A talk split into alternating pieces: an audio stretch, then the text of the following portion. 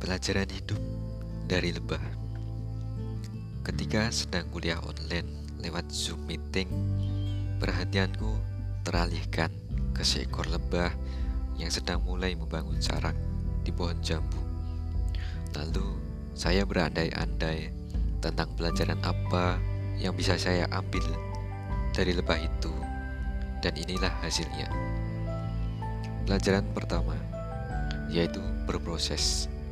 Seekor lebah yang saya perhatikan sedang membangun sarang itu, dia sedang berproses mewujudkan apa yang dia inginkan dalam imajinasinya, yaitu membangun sarang atau tempat tinggal. Tentang kata berproses, lebah itu perlahan tapi pasti, meskipun butuh waktu cukup lama, dia mulai membangun selangkah demi selangkah, mengumpulkan bahan sampai timbul bentuk kecil dari sarangnya. Itulah proses dari seekor lebah. Dari sini dapat saya ambil pelajaran tentang kehidupan, yaitu kalau kita bermimpi menginginkan sesuatu hal atau merencanakan tujuan hidup, kita bisa mewujudkan impian itu dengan memulai dengan langkah kecil tetapi konsisten dan menikmati setiap proses pencapaian tujuan itu. Pelajaran kedua, bekerja keras. Lebah yang saya ceritakan itu dalam usahanya membangun sarang. Meskipun diterpa hujan deras, siang yang panas, dia terus berjuang tidak kenal lelah.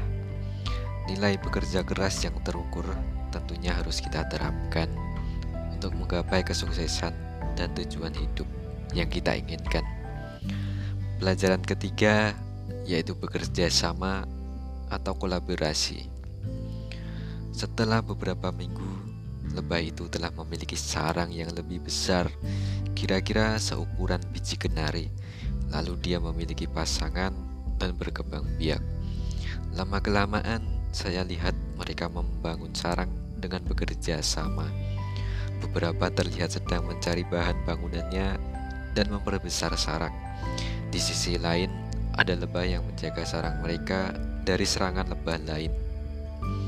Dalam tahap ini yang bisa kita pelajari yaitu kerjasama antar sesama manusia dan kolaborasi Karena kita manusia adalah makhluk sosial Marilah kita berusaha bekerja sama dengan orang yang tepat tentunya Pelajaran keempat adalah konsisten Namun setelah beberapa bulan sarang lebah itu yang sudah lebih besar dari sebelumnya ditinggalkan begitu saja.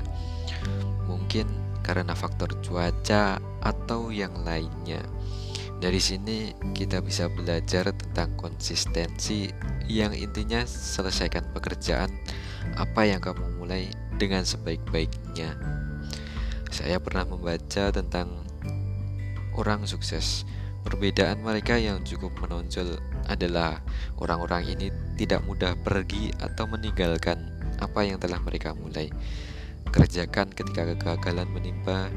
Mereka terus fokus pada bagaimana mengatasinya dan apa yang bisa dipelajari dari kegagalan dan tidak meratap mengapa kegagalan menimpa saya.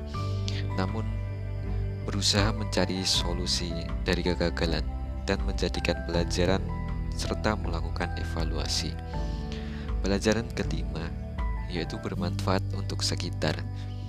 Beberapa lebah memiliki manfaat misalnya pada penyerbukan tanaman. Beberapa jenis lebah juga menghasilkan madu yang sangat berguna untuk manusia. Oleh karena itu, marilah kita sebagai manusia memberikan kontribusi dan manfaat bagi orang lain. Terima kasih telah mendengarkan. Saya Andi Setiawan.